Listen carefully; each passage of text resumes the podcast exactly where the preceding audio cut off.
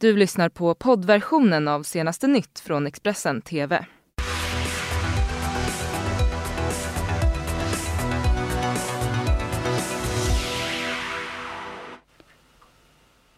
God morgon, det är lördag den 16 november och det här är våra rubriker just nu. Storbråk i Göteborg, en till sjukhus efter stickskador. Sverige är klara för EM nästa sommar efter vinsten mot Rumänien. Och Astrid Risberg tvingades lämna Idol. Men vi inleder i Stockholm. En brand bröt ut på ett lägenhetshotell i Gamla stan under natten mot lördagen. Personalen tvingades eh, att evakueras och rökdykare från Storstockholms brandförsvar sattes in. Strax innan klockan två på natten så var branden släckt. Branden började i källarplanet vid ett-tiden och sju enheter från räddningstjänsten var på plats. Enligt räddningstjänsten så blev skadan på fastigheten liten och inga människor kom till skada. Det är fortfarande oklart vad som orsakade den här branden. Vi har den senaste tiden eh, rapporterat om Kinas hot mot Sverige efter att svenska PEN beslutat att ge den fängslade förläggaren Gui Minai årets Tucholsky-pris. Priset delades ut igår kväll av kulturministern Amanda Lind.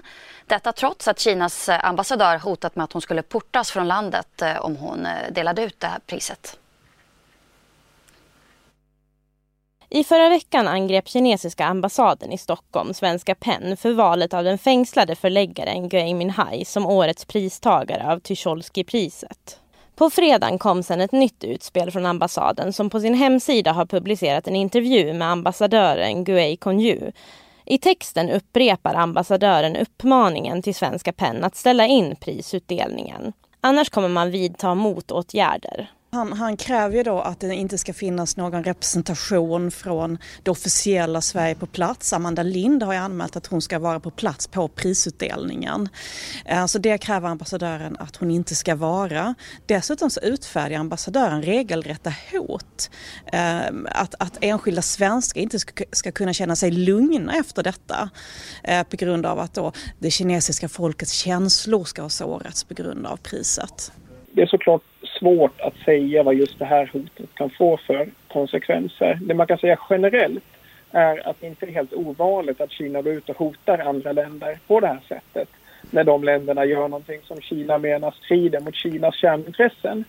Eh, och eh, det sättet som Kina vanligtvis framför hot på är precis som ambassadören i det här fallet har gjort. Det vill säga att man säger om land X gör si och så så kommer det få allvarliga konsekvenser men man säger inte exakt vad konsekvenserna är och det är själva poängen.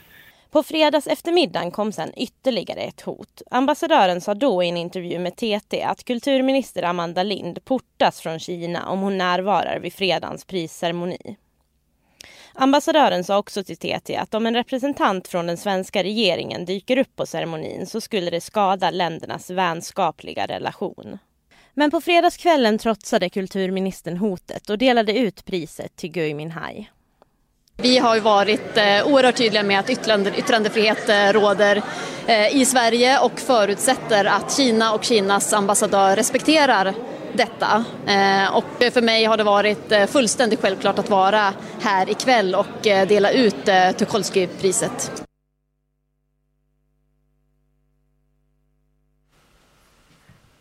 En så kallad nationell särskild händelse har utlyst eh, efter den senaste tidens grova våldsdåd i Malmö. Och igår så hölls en presskonferens i Malmö där polisen redogjorde för läget efter våldsvågen som pågått och pågår i staden. Även inrikesminister Mikael Damberg och justitieminister Morgan Johansson fanns på plats och flera andra politiker, bland annat moderatledaren Ulf Kristersson. Två mord och två mordförsök och en sprängning. Ja, veckan som varit har varit mörk i Malmö. Malmö har haft en mörk vecka bakom sig. Allt började en lördagskväll den 9 november då två pojkar blev beskjutna vid Möllevångstorget i Malmö. 15-åriga Jaffar dog och den andra pojken vårdas på sjukhus för livshotande skador. Under samma kväll blev en ung kvinna också misshandlad med en planka vid en busshållplats och vårdas också på sjukhus för sina skador. På måndagen den 11 november föll återigen mörkret över Malmö då en 16-årig pojke blev beskjuten och utsattes för mordförsök utanför en restaurang i stadsdelen Eriksfält i Malmö. Under torsdagen den 14 november hittades också en 24-årig kvinna död i en bil i stadsdelen Hyllie i Malmö. En knapp vecka efter dödsskjutningen vid Möllevångstorget anlände politiker till Malmö för att på olika sätt visa sitt stöd för staden och diskutera insatser med bland annat polisen. Nej, men jag är uppvuxen med en kärlek till Malmö eftersom min pappa är uppvuxen här och min farmor alltid bodde här i 50 år i samma lägenhet. Um, så det är klart, jag har min barndomsbild och jag tycker det är så tråkigt att nu Malmö så ofta förknippas med, med förfärliga saker när det är en så fantastisk stad och så många också är stolta över en väldigt internationell stad. 30 till 40 poliser har redan skickats till Malmö för att stötta verksamheten och säkra Malmöbornas trygghet. Nationella operativa avdelningen har utlyst en så kallad nationell särskild händelse som ska bidra med resurser och stöd till polisen i Malmö för att komma till rätta med det grova gängvåldet. Vi måste se, se till att det här är långsiktiga satsningar, trycka tillbaka våldet eh, eh, strukturellt men också jobba mer med att se till att unga människor inte dras in i de här miljöerna. Och det har vi bestämt oss för i regeringen att det här är bland det mest prioriterade vi gör. Väl på plats i Malmö förde justitieminister Morgan Johansson och inrikesminister Mikael Damberg ett samtal med polisledningen i Region Syd. De två ministrarna ville visa sitt stöd för polisen i Malmö och samtidigt diskutera åtgärder på regeringsnivå. Men det jag känner här det är en väldigt starkt engagemang från, den, från, från polisen att, eh, kring den här insatsen. Och eh, det finns en, polisen i, i Malmö är professionell Eh, mycket bra poliskår. Nu får man så att säga förstärkning eh, från andra håll också för att, göra, kunna göra ett ännu bättre jobb. Det ska nu handla om Kronofogdens razzia mot studentkortet. Studentkortet det är ju det största rabattkortet för studerande på universitet och högskolor. Aktionen genomfördes igår i ett eh, försök att hitta tillgångar för att täcka bolagets mångmiljonskulder till staten. Expressens reporter Leif Brännström var på plats och berättar här mer. Ja, det är alltså här som då razzian pågår mot studentkortet i Sverige AB. Och det är alltså personal från dels eh, Kronofogden och eh, tekniker från Skatteverkets IT-avdelning som deltar i aktionen. Utåt verkar det väldigt tyst och det är väldigt anonymt här. Det finns ingenting som tyder på att studentkortet i Sverige AB håller till här. Det finns bara en, ja, en knappar man kan ringa på. Och den enda personal som kommer hit när man ringer på den här, det är då personal från Kronofogden som dyker upp här och frågar vad vi vill för någonting helt enkelt. Och meddelar att eh, eh de anställda på studentkortet har gått på lunch inklusive eh, dess platschef. Enligt uppgift till Expressen så har flera nyckelpersoner också tagit sig ut bakvägen när razzian inleddes. Och det var personal som då Eh, Eh, tillhör studentkortets eh, IT-avdelning, om man så kallar det så helt enkelt. Det är de som ska ha, ha gått ut på den andra vägen, inte den här ordinarie utgången. Nu till Göteborg. Ett storbråk bröt ut mellan flera personer i Brunnsparken i centrala Göteborg vid 21-tiden igår kväll. En man i 20-årsåldern blev stucken med ett vasst föremål och fick föras till sjukhus. En anmälning om grov misshandel och en misshandelsanmälning har upprättats. Exakt hur många som var inblandade i det här bråket är oklart och ingen person har gripits. Nu till USA där misstänkta skytten för skolskjutningen i Los Angeles har nu dött på sjukhus. Den 15-åriga pojken som plötsligt öppnade eld eh, försökte själv ta sitt liv efter attacken som ledde till att två unga tjejer miste livet. Och I det här området, Santa Clarita, så försöker man nu hantera förlusten. In Central Park in Santa Clarita, a small memorial became a gathering place for Saugus students and families still in shock to seek comfort. Investigators today revealed the name of one of the victims who was killed, 15 year old Gracie Muehlberger. Honestly, it still hasn't really processed or hit me exactly yet. Nadia Furmansky says Gracie was one of her good friends. She loved to shop, that was her favorite thing. And making outfits and taking pictures and doing all that stuff. And she was so funny and always made jokes and never failed to make anyone laugh. On Twitter, Gracie's brother posted, My heart is killing me right now. You are the best sister I could have asked for. I just know you're my guardian angel now. I love you, Gracie. Late this afternoon, the second fatal victim was identified 14 year old Dominic Blackwell. Students tell us he was a loving football player with a big heart. The loss of both teens is one that fellow students have yet to process. I'm in shock. I still can't really, I'm speechless. And just, I keep reliv- reliving that scene over my head, like, it just on replay.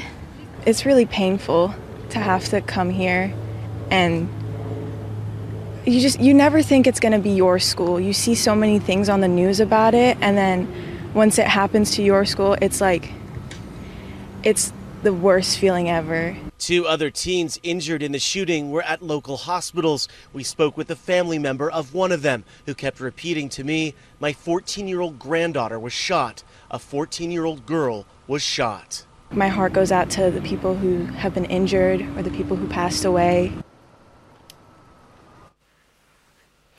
Nu ska det handla om eh, sport för Sverige. Klarade trycket, de är nu klara för EM nästa sommar.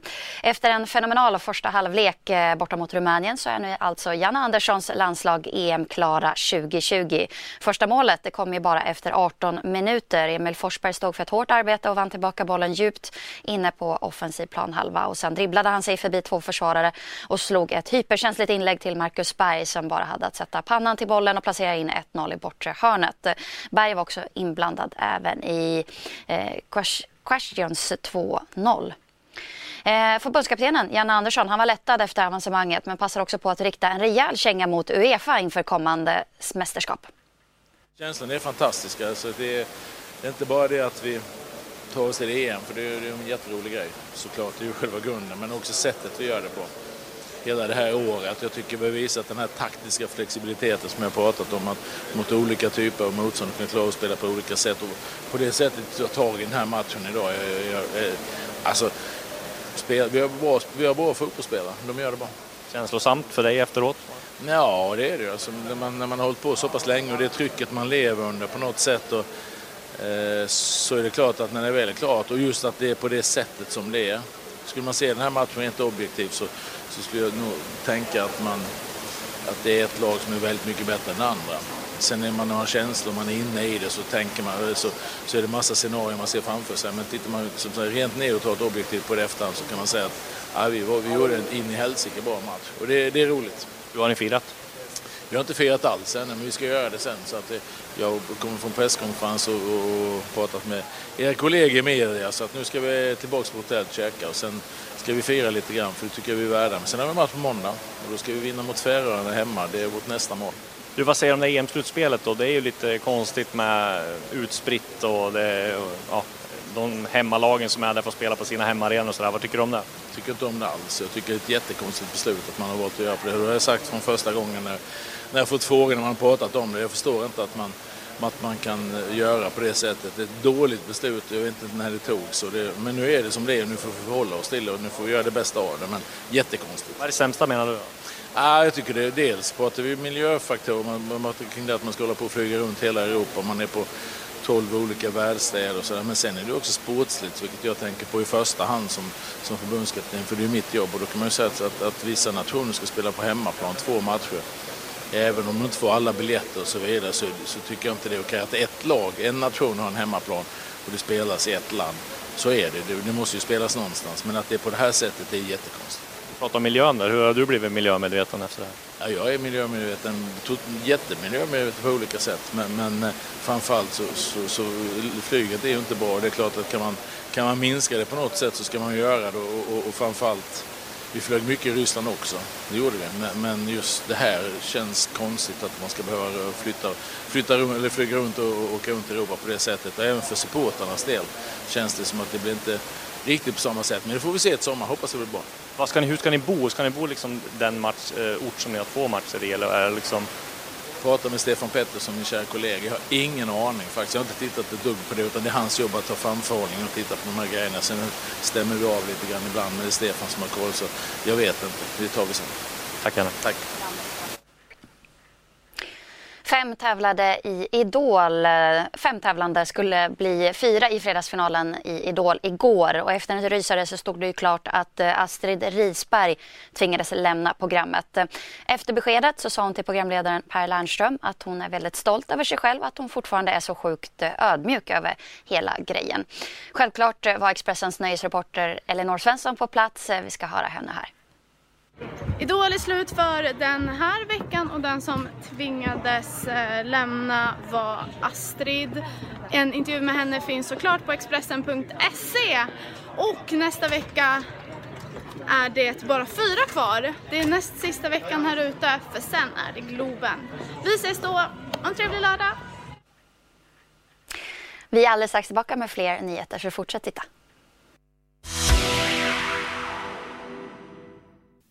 Du har lyssnat på poddversionen av senaste nytt från Expressen TV. Till förordnad ansvarig utgivare är Klas Granström. Ett poddtips från Podplay. I fallen jag aldrig glömmer djupdyker Hasse Aro i arbetet bakom några av Sveriges mest uppseendeväckande brottsutredningar. Går vi in med hemlig telefonavlyssning och, och då upplever vi att vi får en total förändring av hans beteende. Vad är det som händer nu? Vem är det som läcker? Och så säger han att jag är kriminell, jag har varit kriminell i hela mitt liv men att mörda ett barn, där går min gräns. Nya säsongen av Fallen jag aldrig glömmer på Podplay.